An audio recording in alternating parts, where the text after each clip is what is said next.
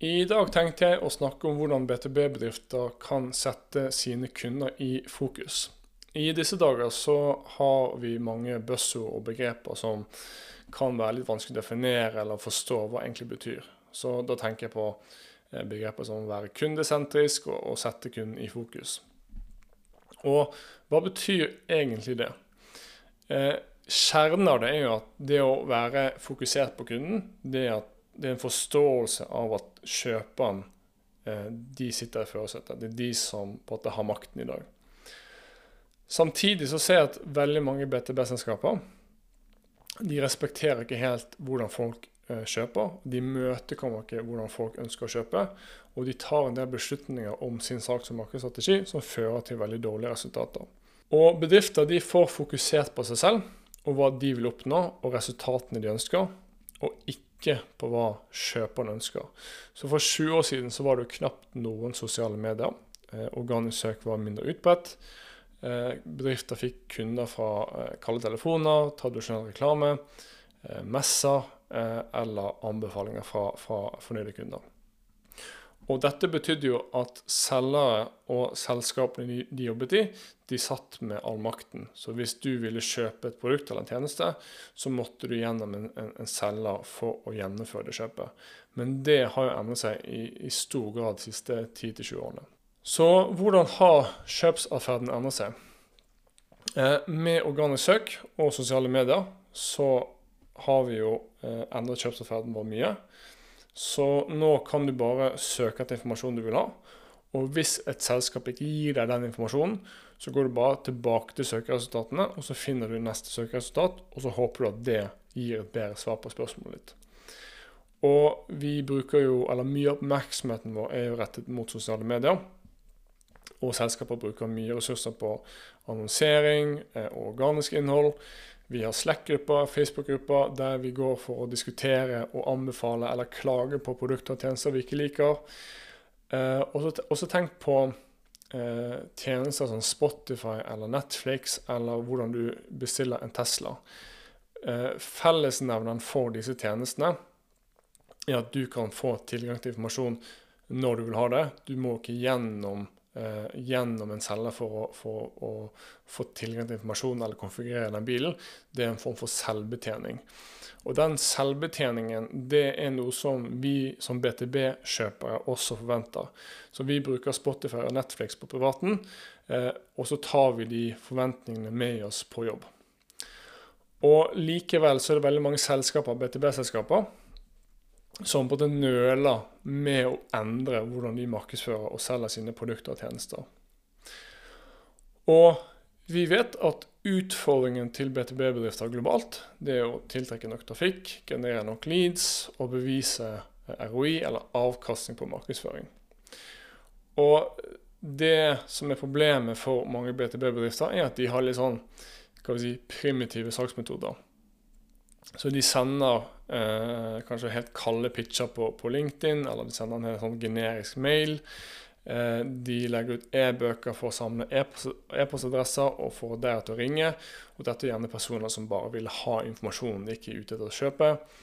Eh, og de oppsøker selskaper som har vist null intensjon om å kjøpe. Så de bruker eh, et, en veldig tradisjonell tilnærming til salg og markedsføring. Eh, og disse taktikkene som jeg nevnte, eh, en del av problemet er jo at de kan jo gi noen resultater, så derfor eh, fortsetter bedrifter å bruke de. Um, kanskje de ringer helt kaldt, eller de sender kalde e-poster. Um, og de har disse leadsene fra e-bøker som egentlig ikke er så veldig god kvalitet. Men si, det som er problemet, er at man har en veldig sånn transaksjonell tankegang som skaper en dårlig opplevelse for kjøperne. Og veldig mange av selskapene som jeg har eh, jobbet med og snakket med, eh, de sier jo det at leadsene som de får, de er ikke kvalifiserte, eller de, de, de kommer ikke for ny til riktig tid. Og en stor del av dette problemet er jo at man ikke har tenkt eller tatt utgangspunkt i eh, kundens kjøpsprosess. Og det BTB-bedrifter må gjøre, er å skape salgs- og markedsføringsprosesser som gjør det enklere for kjøper å kjøpe. eh, og at man har en intensjon, først og fremst eh, når man markedsfører, at man skal utdanne potensielle kunder, og ikke at man bare skal fokusere på kortsiktige resultater som leads. Du, skal ikke ha en transaksjonell tankegang. Og min mening er at BTB-bedrifter de må være flinkere til å skape denne selvbetjeningsopplevelsen. At man har ubegrenset tilgang til informasjonen eh, en person ønsker. Og Det kan være priser, det kan være produktinformasjon, det kan være eh, artikler og den type ting. Og Det betyr at også imøtekommer si, kjøperens timing og behov. Så selv om det ikke passer med altså aktivitetsmålet og, og, kvoten som en selger skal oppnå. Så, så Det betyr at du prioriterer aktive kjøpere fremfor passive kjøpere. Så jeg tenkte å bruke denne episoden til å snakke litt om de praktiske tiltakene du kan gjøre for å sette kunden i fokus. Det første tiltaket det er å prioritere å utdanne målgruppen din fremfor å konvertere dem. Så bedrifter må etter min mening endre sitt fokus fra å gjennomføre, eller kun gjennomføre, kortsiktige aktiviteter som skal drive omsetning eh, eller møter på kort sikt, og heller fokusere på å legge ut godt og relevant innhold for, for målgruppen sin. Og Dette strider jo imot mange av aktivitetene som selskapet driver mye med. Um, så f.eks. hvis man, man, putter innhold bak et skjema, hvis man annonserer kun for å generere leads, man har den transaksjonelle tankegangen, du må innse at kjøpere ønsker å utdanne seg på sin egen tid, i kanalet de velger. Og de ønsker å bestemme selv når de vil engasjere seg med deg og ta kontakt med deg. Og veldig mange BTB-kjøpere vil jo ikke bli kontaktet av en selger kun for å bli solgt til. Og som kjøper så ønsker vi informasjon, og vi vil ikke vente og planlegge et møte eller fylle ut et skjema for å få tilgang til den informasjonen. Hvis kjøpere vil snakke med deg om produktet eller tjenesten, så kan de enkelt søke deg opp på Google, finne nettsiden og, og be om en demo eller, eller, be om et møte. At de bare trykker på den primære knappen på nettsiden din og tar den, den handlingen. Da kan man begynne å, å, å, å, sette opp et møte og snakke med disse innkomne henvendelsene. Så hvis du er veldig fokusert på å generere leads, Eh, dette med å putte e-bøker bak et skjema, f.eks., det er jo en taktikk som fungerte veldig bra når jeg begynte med mitt byrå. Da var det en ganske ny taktikk i Norge. Men etter seks-syv år med en sånn taktikk, så har jo kjøpere blitt veldig vant med eh, det konsulentselskap. Vi selger komplekse løsninger. Det er mange eh, variabler som påvirker prisen. Eh, og tilbudet til hver enkelt kunde kan være ganske forskjellig. Men hvis du ser det fra kjøperens perspektiv, hvordan føler du deg når du leter etter priser på et eh, nettsted? Du leter etter priser fra en leverandør, og så finner ikke du den informasjonen. Pris vil jo alltid være et viktig beslutningskriterium når du kjøper noe, enten om det er en TV eller om det er et ERP-system eh, for bedriften din. Virkeligheten, eller Realiteten er jo at vi som kjøper vi forventer å finne informasjon om priser på selskapets nettsted. Og vi blir veldig irritert når vi ikke finner det. Eh, eller vi må f.eks. Eh, fylle ut et skjema for å få tilgang til eller informasjon om priser. Og det som er nøkkelen, er at du må ikke nødvendigvis gi en eksakt pris, men du bør definitivt gi innblikk i hvilke faktorer som påvirker prisingen, og gi noen eksempler. Du må ikke si at tjenesten må koste 100 000, eller det koster 1 million, men du bør i det minste oppgi altså sånn cirka. Eh, så du kan være at det vil skremme noen potensielle kunder vekk, men det er også litt av poenget. Du vil skremme vekk de potensielle kundene som kanskje ikke har råd uansett. Så du vil gjerne skyve bort de som ikke har råd. Eh, og da vil jo igjen du kanskje få litt færre innkomne henvendelser, men da vil jo dine celler også bruke tiden mer produktivt på de mulighetene som faktisk har høy sannsynlighet for å lukkes.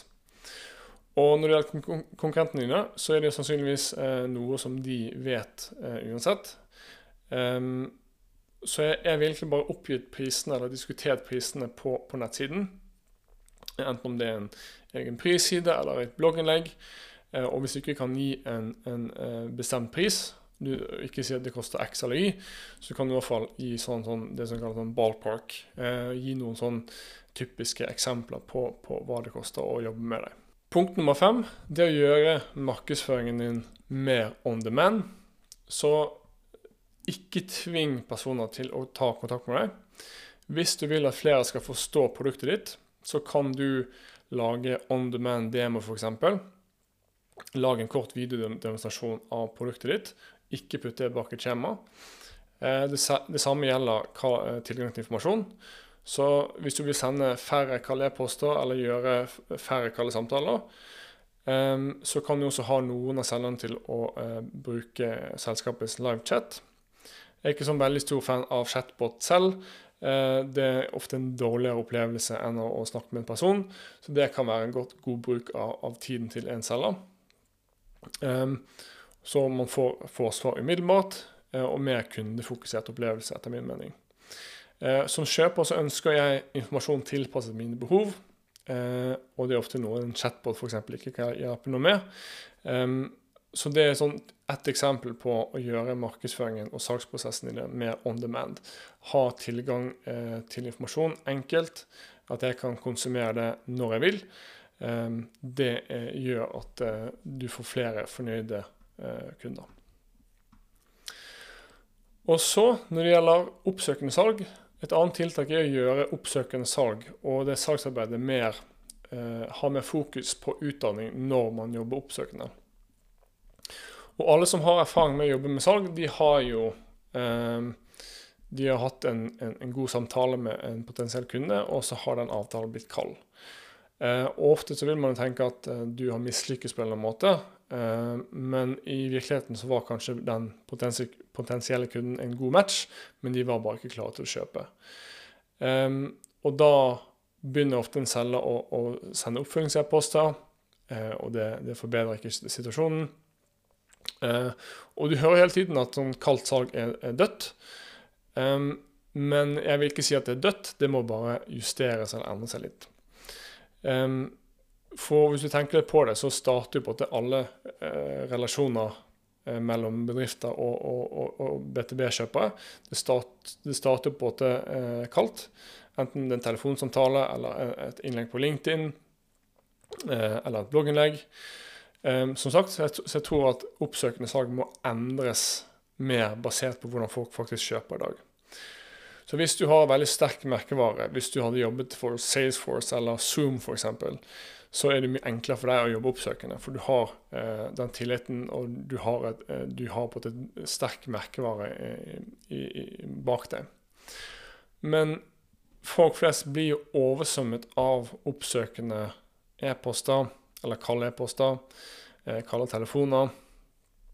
Um, og det kan jo fungere så lenge de uh, e-postene eller, eller uh, telefonsamtalene er si, relevante, at du ringer på riktig tid, og at det er personaliserte.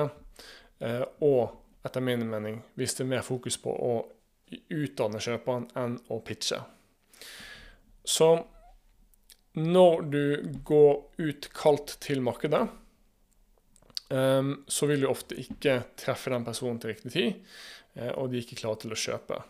Og Det kan være at de er interessert, men det kan være måneder, veldig mange måneder fra de er klare til å investere i produktet eller tjenesten din.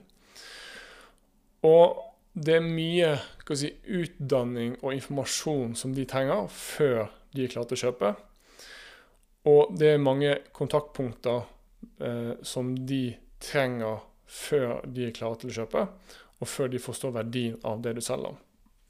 Så jeg anbefaler at bedrifter tenker mer på oppsøkende salg som en kanal, akkurat som LinkedIn eller, eller Facebook. Så hvis du har en definert liste med selskaper, um, så kan du oppsøke personer i de selskapene. Og så kan du istedenfor å prøve å få et møte med en gang, kanskje du kan nå ut med innhold, altså en relevant case study. Eh, det kan være en, en lenke til en video og den type ting. Slik at du kan F.eks. så kan du definere eller identifisere tre-fire pain points eller problemer som de potensielle kundene har. Eh, du kan lage innhold rundt dem, og proaktivt sende det innholdet til, eh, til kontaktene i de selskapene du ønsker som kunde. Og selv om du kanskje ikke får møte der og da, så vil du i hvert fall starte en relasjon, og de vil ha de tankene når de eventuelt har behovet. Så hvis du har eh, noe verdifullt å si, istedenfor bare å være eh, en irriterende selger. Og hvis de har behov og har fått verdi av innholdet du sendte, så vil de tenke på deg når eh, de bestemmer seg for at de har behov for det produktet eller tjenesten du selger. Så for, for å konkludere så eh, må du sette utdanning før konvertering. Du må sette dine kopier nærmere omsetning. Du må gjøre innholdet litt åpent og fritt tilgjengelig uten å be om informasjon, e-post og den type ting eh, tilbake. Du må diskutere priser på nettstedet ditt. Du må gjøre markedsføringen din eh, on demand. Og så må du gjøre oppsøkende salg mer si, utdanningsbasert. At du proaktivt sender innhold, og ikke bare være den irriterende selgeren som bare vil ha møte og bare pitcher. Så jeg håper det var interessant, og eh, at det var nyttig, og det hjelper deg å bli eh, eh, mer kundefokusert. Takk for i dag, så høres vi i neste episode. Hei.